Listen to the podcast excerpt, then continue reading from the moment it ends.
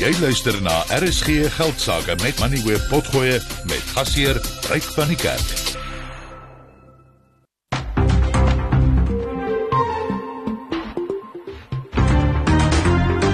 Jy luister na RSG Geldsaake met Ryk van die Kerk, jou betroubare bron vir sake en beleggingsinsigte. Goeienaand en hartlik welkom by vanaand se uitsending. Ons is weer terug in die Moneyweb ateljee hier in Houghton Estate in Johannesburg nadat die weerlig gister groot skade hier aangerig het, maar ons tegniese mense het wondere verrig en ek hoop die blou draad en daktyp hou dat ons vanaand lekker kan uitsaai.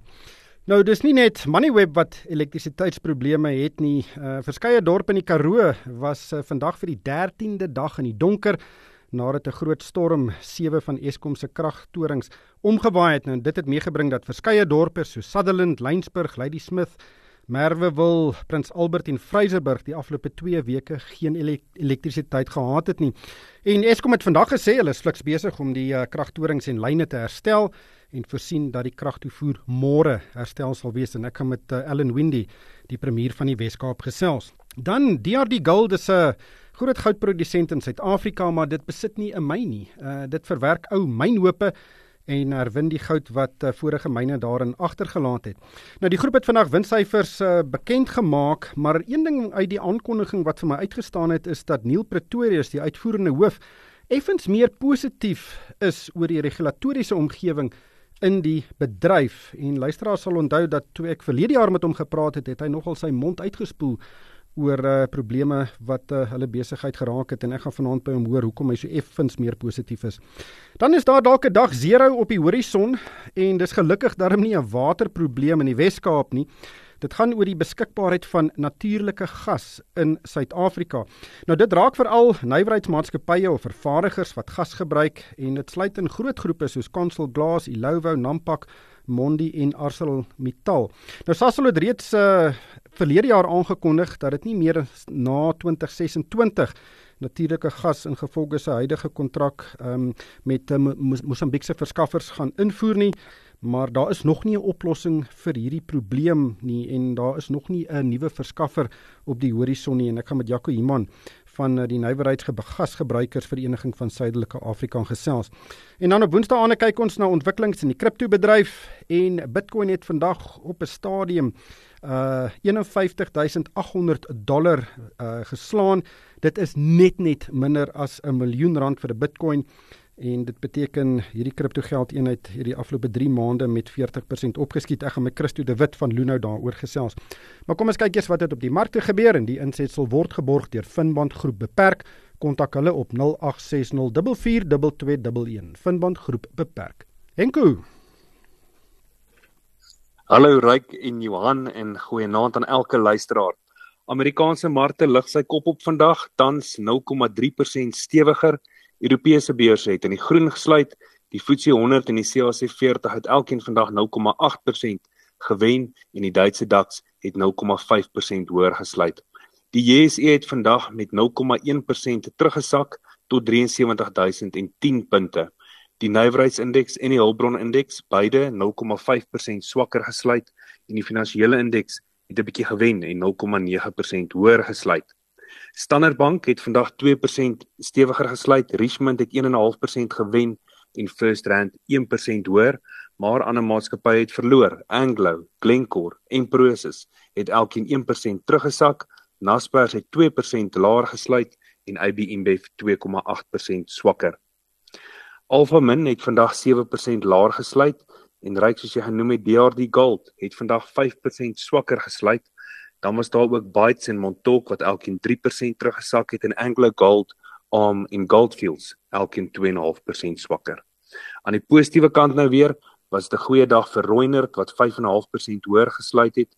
Sibanye Stillwater het 3.5% gewen en Sasol, Afrimat, Italtal en WBHO asook Investec het elkeen 2% hoër gesluit. Dan op die kommoditeitsmark is die goudprys nou 1987 dollar per fyn ons platinum is 885 dollar en palladium verhandel nou teen 925 dollar per fyn ons. Brent ruolie staan tans op 83 dollar en 30 sent per vat en as ons oorbeweeg na die wisselkoers nou R19.05 teenoor die Amerikaanse dollar, R23.90 teenoor die Britse pond, R20.43 teenoor die euro en R12.35 teenoor die Australiese dollar.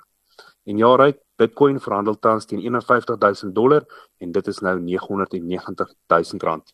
Dan laastens die plaaslike staatseffekte, die R106 verhandel teen 8,9% en die R209 teen 11,9%. Die insetsel is geborg deur Finbond Groep. Beperk kontak hulle op 0860442211 Finbond Groep beperk. Ons gaan 'n bietjie later in die program gaan ek met uh, Johan Gous van Sasfin Wealth oor die markte gesels, maar op die lyn nou is Ellen Wendy, hy is die premier van die Wes-Kaap. Ehm um, en uh, Ellen, baie welkom by die program.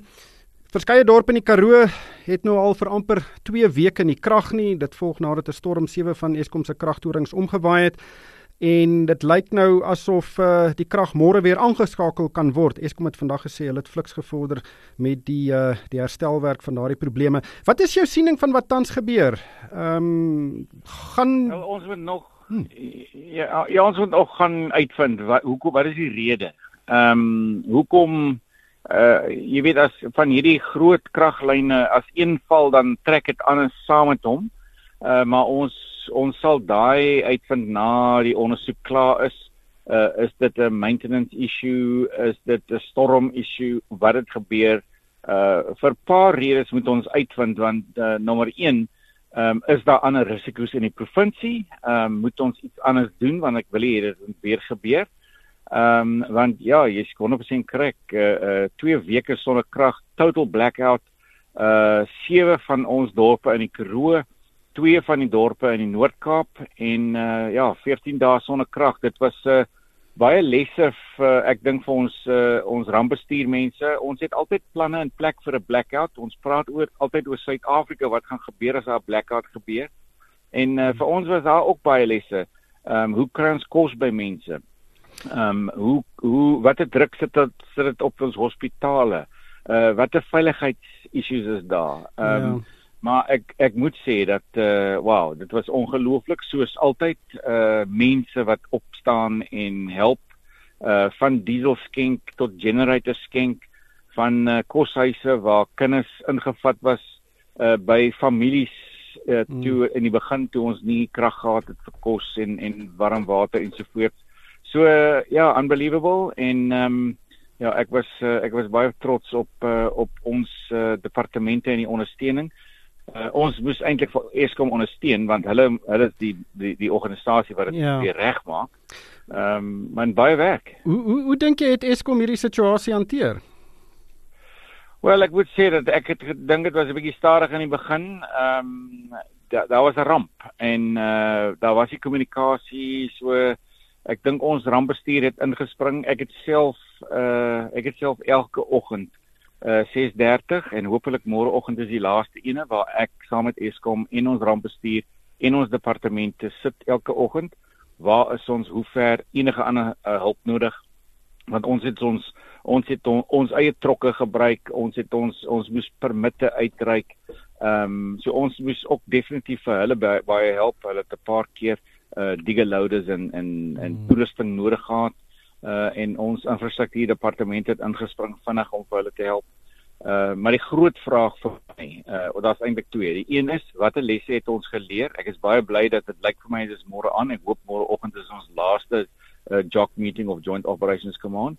Ehm um, en dan kry ons die krag aan. Ek het ook gevra asseblief ons moet sorg dat ons nie beedkrag vir die Karoo gee vir 'n ja. paar dae dat mense kan weer in gang kom. Ehm um, want dit het hulle baie baie hard getref. Is die oplossing wat wat uh, nou wel die die herstelwerk wat nou gedoen het, is dit tydelike herstelwerk of is die torings nou behoorlik reggemaak? Nee nee nee, dit is tydelik. So so ehm um, dis baie groot houtpale wat hulle nou ingesit het. Ehm um, 18 meter hoog. Uh, dit moet omtrent 3 meter in die grond ingaan. Uh daar's baie rots daar, so dit was uh, dit was die moeilikheid om om uh om die gate te grawe. Ehm um, en so hierdie pale moes ingaan en daai was die groot ding, maar dit is tydelik. So ons moet uitvind hoekom het die staal uh uh uh ehm um, pylons mm. wat sê wat in Afrikaans kragtoring skynbaar. kragtoring. Ehm um, hoekom het daai het daai kragtoring omgeval? Wat is daai rede?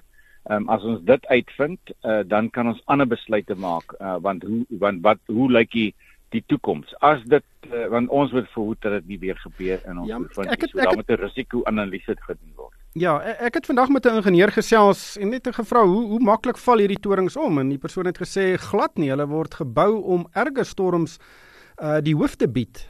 Nou natuurlik, die storm wat daar was kon dalk seker die ergste een in 'n baie lang tyd gewees het.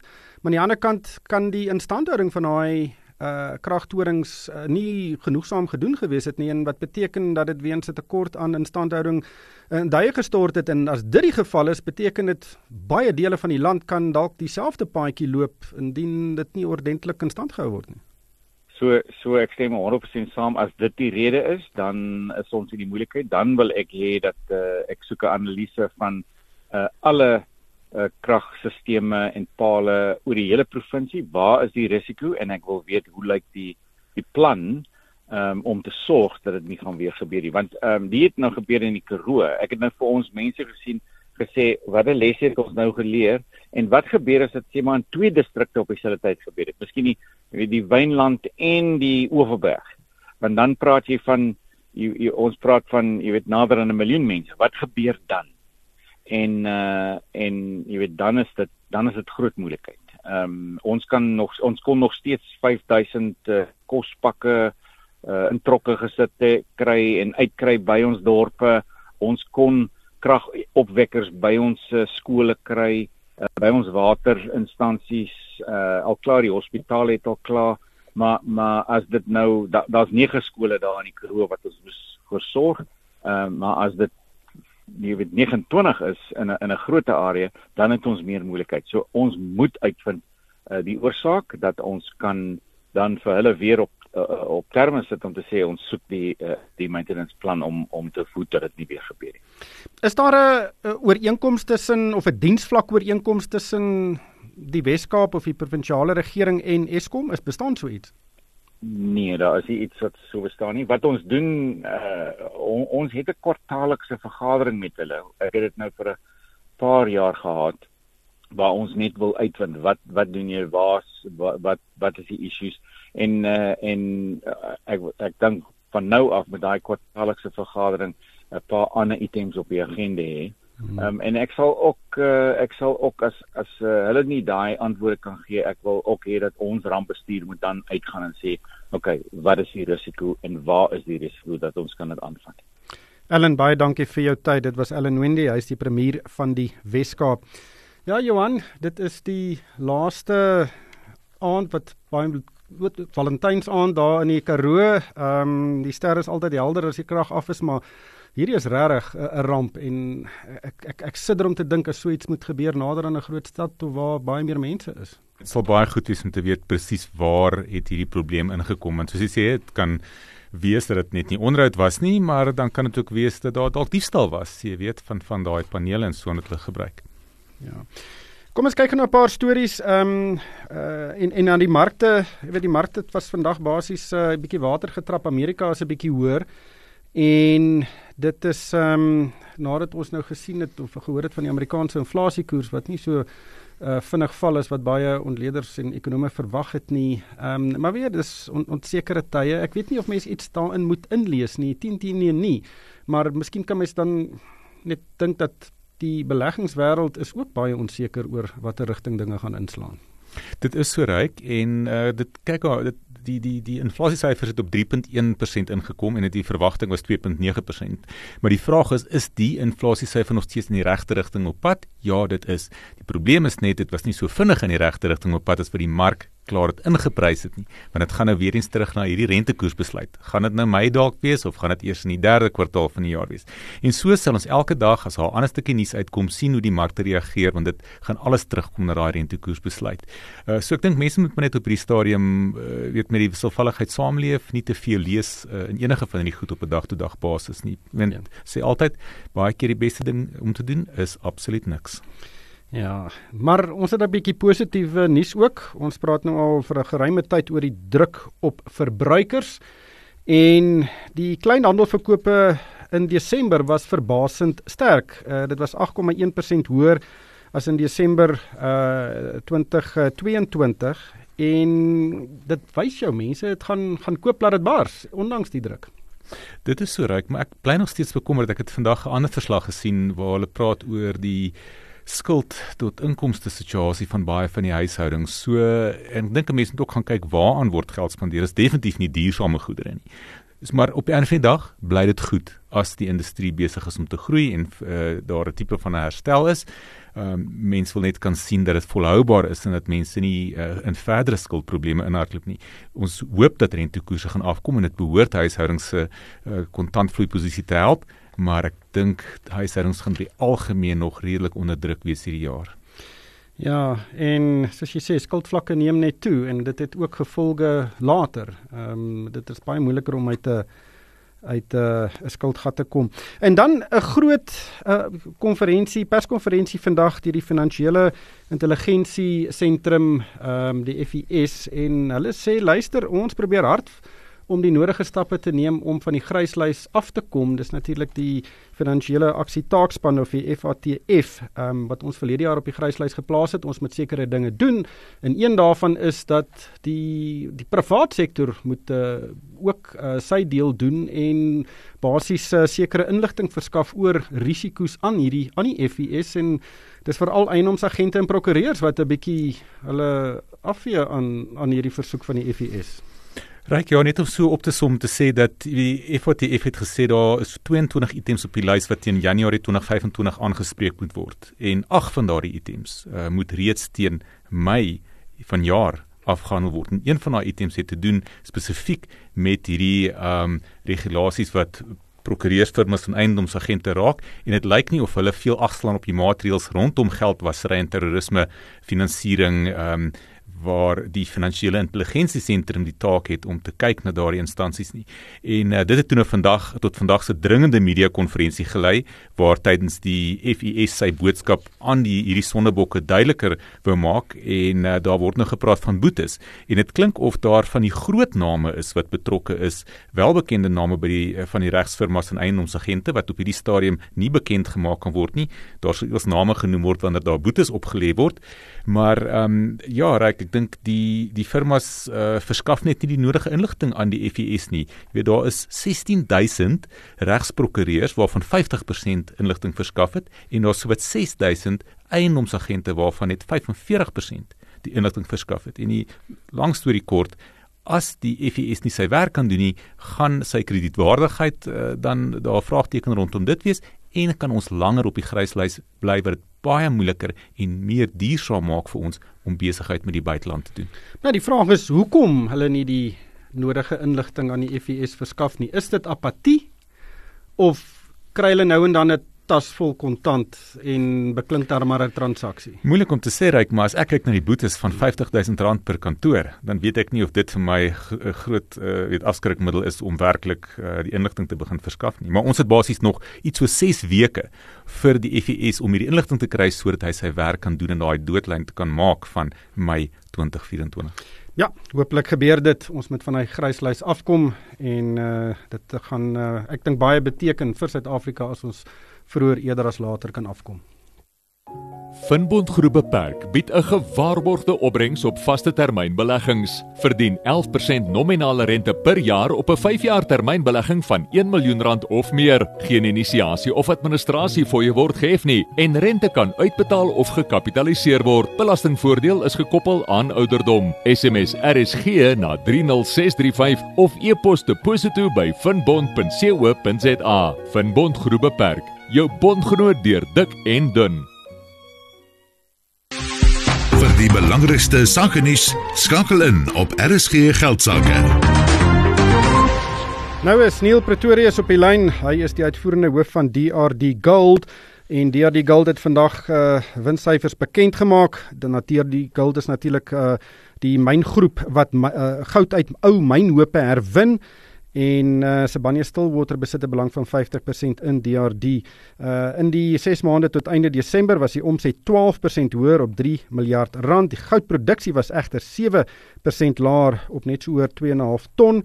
Uh die wesensverdienste was 10% hoër op 590 miljoen rand en die direksie het 'n tussentydse dividend van 20 sent per aandeel verklaar. Neil, welkom by die program.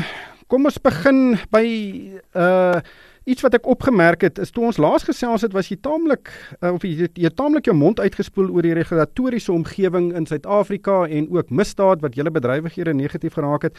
Maar in hierdie kommentaar wat jy uh, by die resultate bygevoeg uh, het, um, is jy bietjie meer positief. Ehm um, veral oor wat gebeur by die departement van water en sanitasie. Wat het gebeur? Ryk, ek dink baie het gebeur sedert 2018. Eerstens die houding het verander. Uh, ek dink ons kry baie beter uh toegang tot uh uh tot inligting. Ons kry beter toegang tot van die beamptes om, om vir ons leiding te gee oor oor wat ons moet doen en wanneer. Ehm um, die kompleksiteit van die van die proses het nie verander nie. Ek dink nog steeds is dis disproporsioneel kompleks, maar maar maar ten minste kry ons gepraat met die mense, hulle gee vir ons leiding en uh, hulle help vir ons om uh om um, uh om om hulle te gee wat hulle nodig het. Uh, ek dink wat ons ook uitgevind het is is dat dit is 'n dis 'n proses wat rondom ehm um, nakoming uh, amper half uh omsigtigheid gebou is nie nie noodwendig vir effektiwiteit nie. So mense pas ook maar jou verwagtinge aan in die verband en en kyk waar jy dit kan akkommodeer. En en hopelik het ons die die die uh, risiko wat dit vir ons inhou as gevolg van hierdie gewellige lang ehm um, oponthoude. Hopelik het ons daai risiko tot 'n mate aangespreek gekry. Het julle probleme met lisensies, uh verskillende mynbou lisensies, ehm um, van dit lyk asof dit een van die groot probleme is wat baie van die ander myngroepe raak. Ehm um, weet mynlisensies ja. en ook eksplorasie lisensies, waterlisensies ensovoorts. Nee, weet jy ons het in die laaste 3 jaar, sedert 2018 het ons aansoek gedoen as ek dit nou reg het vir vier uh, waterlisensies en ons het nou in Januarie het ons die vierde een van die vier gekry. So uh, alles wat ons voor aansoek gedoen het, het ons gekry. Ons het net vir een van die vier het ons regtig baie baie lank gewag en vir twee van die vier was daar oponthoude geweest. Die departement van minerale dink ek is 'n bietjie van 'n ander storie. Ek dink daar is die klagte dat die lisensies word gewoon nie geprosesseer nie. Daar daar's 3000 aansoeke en nie een van hulle is geprosesseer nie. Uh, ons self is nou nie in daai situasie nie. Ons het nie ons het nie op hierdie stadium enigiets hangende wat dringend van aard is en wat ons ophou by die departement departement van minerale en energie nie. Ons onlangse uh ons onlangse uh interaksie was met die met was met, met, met waterwese gewees en, en en daar kom ons beter reg nou as wat dit as as wat dit die geval was in die verlede. Dan het julle ook uh, in die resultate aangedui dat julle so wat of net meer as 'n miljard rand uh, gebruik het om om julle infrastruktuur te te verbeter en uit te brei en dit was veral 'n belegging in 'n nuwe sonplaas. Nou of uh, 'n uh, sonaanleg om julle van elektrisiteit te voorsien.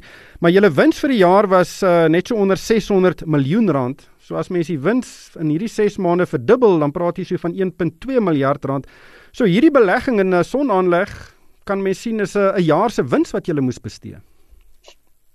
Ja, ja en uh as jy gaan kyk na die dat die verskil wat dit gaan maak, ehm um, dan dan dink ek sou ons dalk bereid wees om 2 of selfs 3 jaar se wins op te spandeer. Ehm um, die die dit is dit is 'n dit is regtig 'n pragtige installasie. Ons trek reeds 14 megawatt van hom uh wat Ergo se se totale behoefte is. Dit is nou vir 6 ure 'n dag.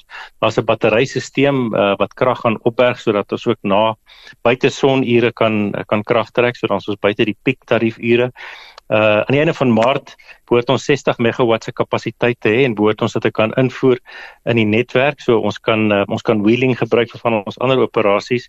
So ons is baie baie opgewonde oor die sonkrag aanleg. Dit ek dink dit gaan 'n dit gaan 'n baie groot verskil maak beide aan ons besigheidsrisiko as ook aan ons kosteprofiel. So sou julle dit gedoen het selfs al het uh, Eskom nie probleme gehad nie.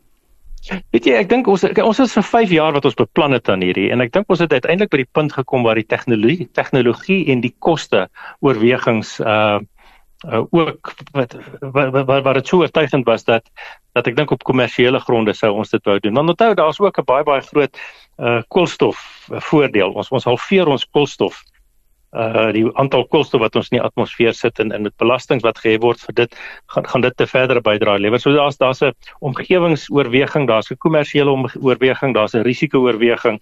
Ehm um, dit, dit dit maak net baie baie sin. Uh so so ek is baie baie bly ons het gewag eerstens en ek is ook baie bly oor wat ons op besluit het toe ons uiteindelik uh voortgegaan het met die met die ontwerp en die tegnologie wat ons gebruik. Ehm uh, so so ek ja, ek dink dit is 'n dis 'n baie goeie installasie om te hê. Hmm. Kom ons gesels oor julle bedryfs ehm um, prestasie of vertoning. Ehm um, die dal, uh, die uh, goudprys was baie sterk, die rand het verswak, so dit verklaar hoekom julle 'n winste gestyg het, maar julle goudproduksie was 7% laer. Hoekom het julle minder uh, goud geproduseer? Wat was die redes? Dis dis volume gedrewe. Ehm um, ons ons het gepraat van van die oponthoude wat ons wat ons gehad het.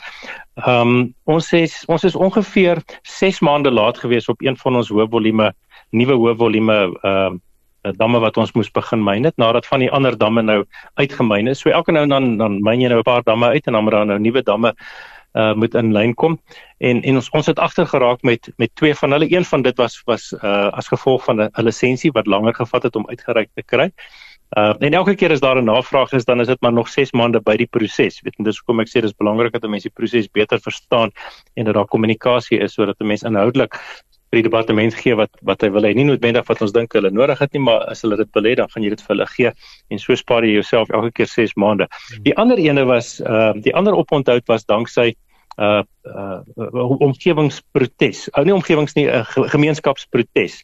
Uh dis 'n pipeline wat gebou moes geword het. Daar daar gaan regtig waar baie min aan in hierdie gemeenskappe wat vir hulle kan hoop gee. So as daar 'n bietjie ekonomiese aktiwiteit is dan dan is daar maar versoeke om aangestel te word en daar's 'n bietjie opportunisme en so aan. En dit het ons opgehou ook vir 'n periode van tyd. Ehm um, want uh, mens mens moet maar bou by by behoorlike omsigtigheid, by behoorlike corporate governance. En en dit het ons so 'n bietjie seer gemaak, maar dit is dan alles nou agter ons, so ons volume profiel is herstel, uh, die lisensies is in plek, die pipeline is in plek, die die soos soos hulle sê in mynbou taal die job loop weer en uh, en en nou gaan ons volume profiel beter lyk like en uh, minder materiaal met met swaar voertuie rond uh, rondskuif. So dit plus die feit dat dat die sonkrag ook daarmee 'n bietjie van 'n impak gaan hopelik gaan hê op ons koste in die afsienbare toekoms. Dit plaas ons in 'n in 'n redelike goeie posisie vir die vir die afsienbare toekoms vir die medium en, en korttermyn. Net kortliks jy verwys nou jy het nou 'n paar keer verwys na die volumes wat jy moet verwerk. Ehm um, hoeveel ton grond of erts uh, in die mynhope moet jy verwerk om byvoorbeeld 'n kilogram goud te te kry? Wel die die uh, die graad wat by die aanleg ingaan is tipies net so oor uh, oor 'n derde van 'n gram per ton. So ehm um, elke ton wat ons verwerk al ons al ons uh, ongeveer so so tussen 50 en 55 en en, en 60% van dit uit. So is so 0.2 gram per ton per 0.2 gram goud per ton wat verwerk word.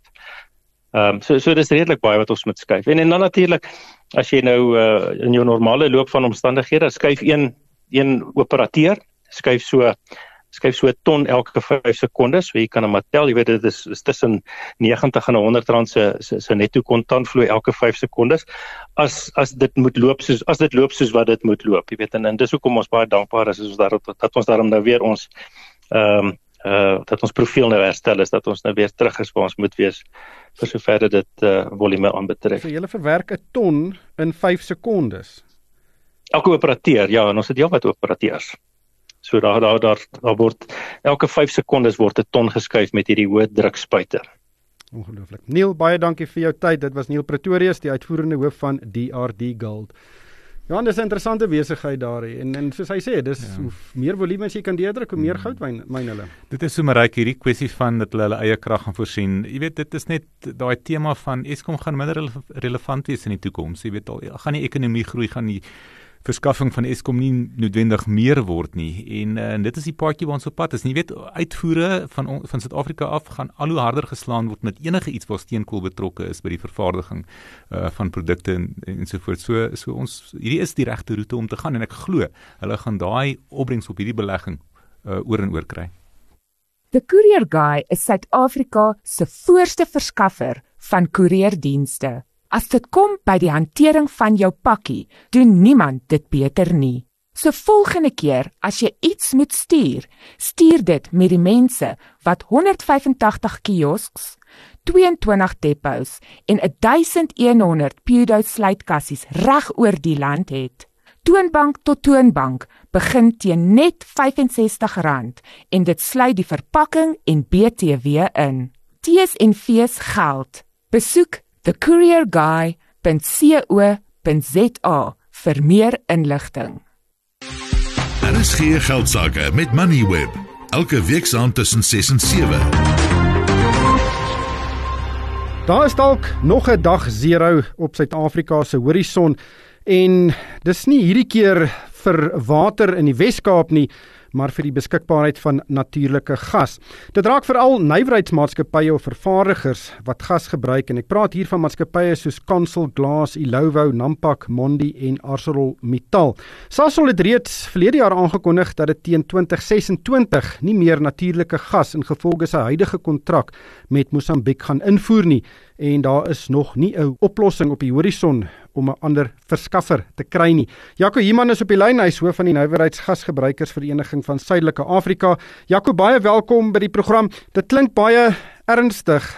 Kan jy dit vir ons in perspektief stel? Hoekom is daar 'n dag 0 op die horison as Sasol eers in 2026 die gaskraan gaan toedraai? Die probleem het sy oorsprong, dit is nie 'n nuwe probleem nie. En ons het al hierdie tipe van gesprekke met die regering en Sasol en ander nou al seker vir 'n goeie 6 jaar op. Die probleem het natuurlik sy oorsprong uit die natuurlike bron wat Sasol mee gas verskaf wat besig is om die einde van sy lewensduur te bereik en natuurlik met 'n afname en 'n plateau sal begin rondom tyd. Sasol moes basies 'n besluit neem of homself aan die gang te hou met gas of om die mark te verskaf met gas.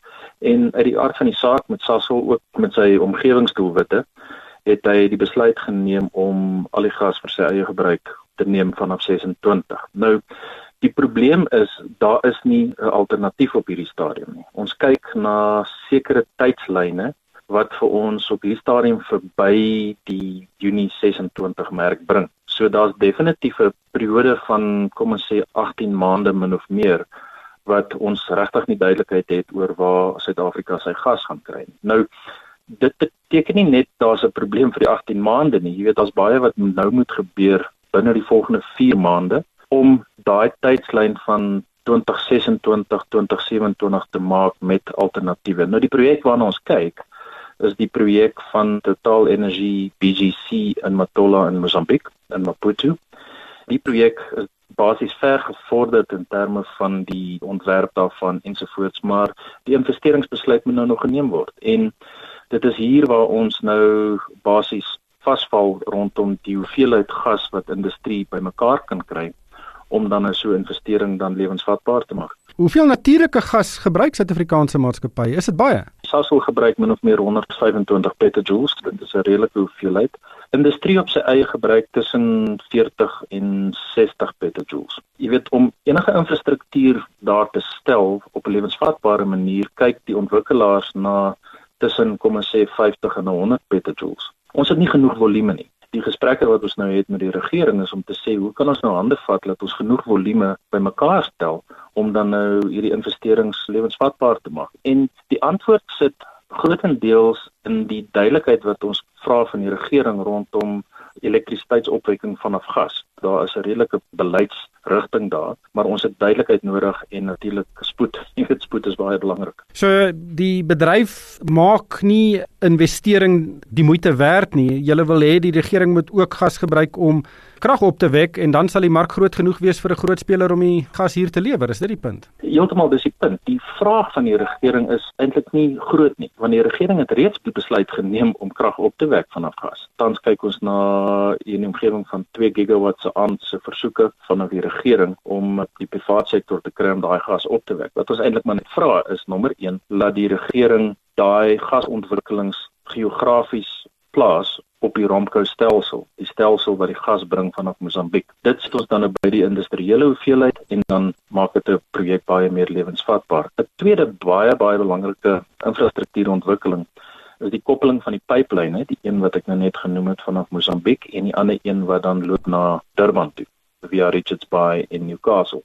So daai koppeling moet plaasvind sodat die industriële gebruikers en ander gasgebruikers in KwaZulu-Natal ook sekerheid het van gasenergie na 26. Ek neem aan die gas word gebruik om dinge warm te maak. Is dit baie goedkoper as om elektrisiteit te gebruik? Dis natuurlik as daar nie beerkrag is nie. Wel, dit is die probleem. Wie die meganiese prosesse rondom gasenergie is al so ingebore dat dit baie moeilik is om na 'n ander vorm van energie oor te skakel nommer 1 en dan natuurlik daar is nie elektrisiteit. Dit is die probleem en die nodigheid vir gas.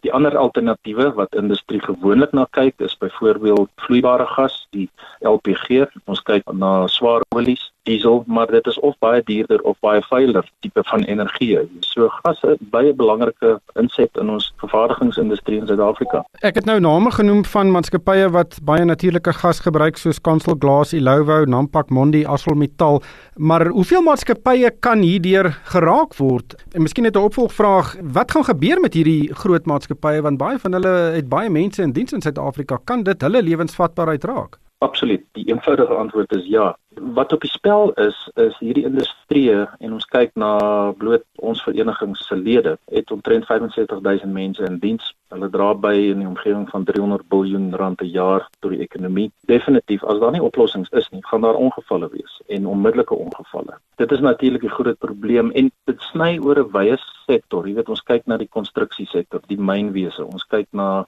glas, ons kyk na staal. So alles wat ons gebruik min of meer op 'n daaglikse basis in die primêre vervaardigingsindustrie. So die risiko is groot. Die probleem is dat baie van die organisasies het al reeds hulle vaste kapitaalinvestering gestop laas jaar weens hierdie onsekerheid. Die vraag is seker wie se verantwoordelikheid is dit om hierdie situasie aan te spreek? Want jy het nou verwys hy gesels met die regering, maar die onlangse geskiedenis wys dat die regering nou nie die haastigste instansie in die land is nie. Wat doen julle nou presies om hierdie risiko nou te verminder? Korrek, dit is die probleem. So ons is in gesprek met die regering. Ons glo dat die private sektor wel 'n oplossing op die tafel kan sit. Ons het nie eintlik die regering se hulpbronne nodig nie. Wat ons wel nodig het is dat die regering moet basies die aanloopbaan se ligte aanskakel vir ons. Met ander woorde, hy moet duidelikheid gee oor hoeveel elektrisiteit en waar dit opgewek gaan word van gas, want die ontwikkelaars industrie het daai sekerheid nodig. En dit is die enigste versoek op hierdie stadium. Die tweede versoek is ook om die pyplyne te koppel tussen die Romco en wat ons noem die Transnet of Lily pipeline wat daar in KwaZulu-Natal. Dit is eintlik die twee groot versoeke aan die regering. Ons hoop en vertrou gegee die krisis waarna ons nou is en die besluite wat geneem moet word binne die volgende 4 maande dat daardie duidelikheid sou bewerkstellig kan word. Jaco, dankie vir jou tyd. Dit was Jaco Iman, hy's hoof van die Nywerheidsgasgebruikersvereniging van Suidelike Afrika. Soek jy sake, finansiële en beleggingsnuus aan jou vingerpunte? Laai dan Moneyweb se slimfoon toepassing af. Dit is die maklikste manier om op hoogte te bly van nuus uit die sakewêreld, meningsstukke om te interpreteer en ook die jongste markaanwysers. Jy kan ook regstreeks na alle RSG geldsaake uitsendings luister of later na die potgoeie van die onderhoude gaan luister. As jy finansiële raad nodig het, kan jy ook deur die toepassing by van die beste finansiële adviseurs in die bedryf uitkom. Alles op een slimfoon toepassing. Dit is heeltemal gratis. So laai dit sommer nou van die Apple App Store of Google Play Store af. Er is geen geldsaake met Moneyweb, jou betroubare bron vir sake en beleggingsinsigte. Dis Woensdag aand en dit beteken ons kyk weer na ontwikkelings in die kriptobedryf en daar is groot opgewondenheid in die kriptobedryf want Bitcoin en ander kriptogeldeenhede se pryse loop behoorlik. Uh ek sien Bitcoin op die oomblik staan op 51000 680 eh, dollar. Dit is 992 000 rand. Ek het hom vroeër vandag gesien net net onder 'n miljoen rand vir 'n Bitcoin en uh die prys uh, het die afgelope 3 maande nou met 40% opgeskiet. Ehm um, Christo de Wit is van Luno, hy is op die lyn. Christo, interessante lopie uh en ons het al van tevore gesien dat Bitcoin so in 'n kort tydperk vinnig opskiet en dan uh, later weer terugsak. Maar hoe kan jy vir ons hierdie jongste stygings in konteks uh, plaas van wat ons gesien het die afgelope dekade van dit Bitcoin nou bekend gestel is? Ja, ryk definitief wat die uh onlangse prysverwikkelinge in die kriptomark aanbetref, definitief groot opgewondenheid daar. Um ons praat al 'n tydjie lank oor sekere drywers wat hierdie prysaksie um tot verband bring. Um een van die redes is is die uh beursverhandelde fondse waar ons al voorheen gesels het wat opgewondenheid in die meer uh inst institusionele mark veroorsaak het.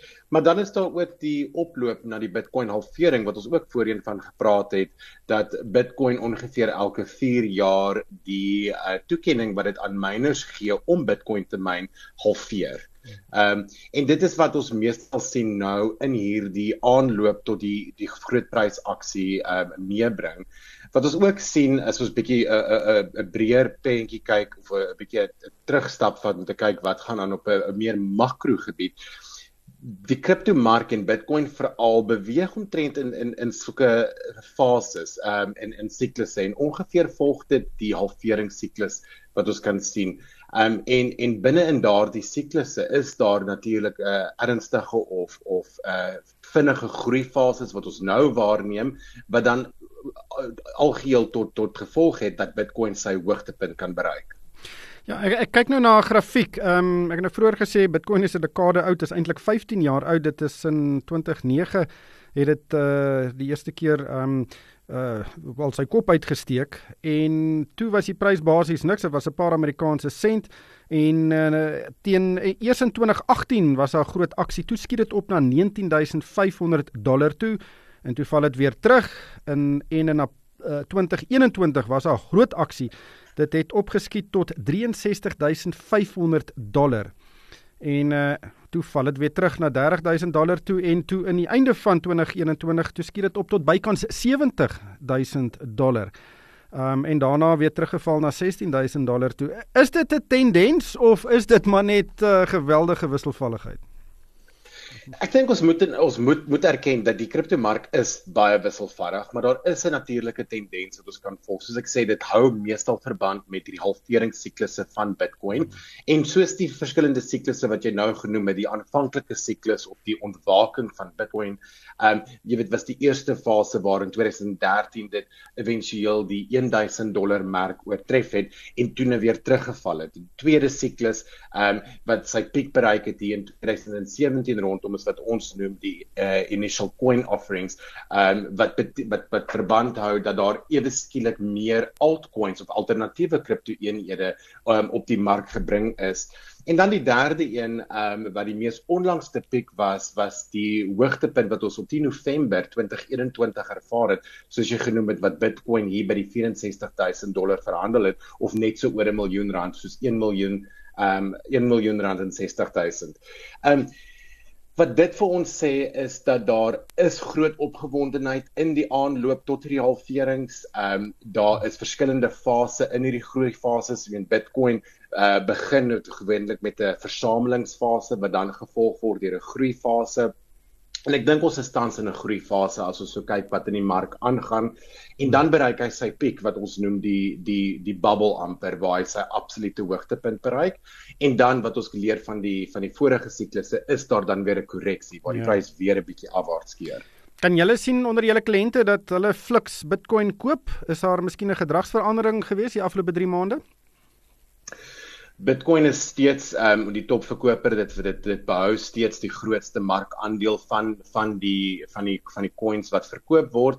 Maar interessant wat ons ook waarneem is dat van die altcoin of die alternatiewe coins wat ons sien of ehm um, uh, kripto geld eenhede is ook besig om om groot opwag te maak. Um 'n groot uh, uh, uh ding wat ons gesien het op Luna byvoorbeeld is XRP was altyd ons derde grootste uh, eenheid gewees en in die laaste 2 maande of so is dit kop aan kop met met Solana of Sol. Hmm. So ons sien ook dat daar is 'n skuiwing in die altcoins wat gemaak word. Uh verbruikers en investeerders raak al hoe meer breed in hulle um ja. hulle uh, soeking na verskillende uh teikens wat hulle wil wat hulle wil aankoop. Christo, dankie vir jou tyd. Dit was Christo De Wit. Hy is van Luno. Johan, net voor ons groet, ehm um, verlede jaar was daar 'n groot transaksie wat voltooi is. Dit was uh, Heineken wat Destel gekoop het. Dit was uh, eintlik een van die grootste koöperatiewe transaksies wat ons in 'n lang tyd gesien het. Maar nou het kan ons die eerste keer sien wat die uitslag daarvan is. Wat uh, wat uh, hoe, hoe Destel nou bydra tot Heineken? Uh, dis nadat Heineken uh, ehm um, syfers vir uh, aangekondig het in die buiteland. So as mens nou deur die Heineken venster na Destel kyk, wat gaan aan? Ryk, dit was 'n groot transaksie. Ons praat van 40 miljard rand en onthou Heineken is die wêreld se tweede grootste bierbrouwer.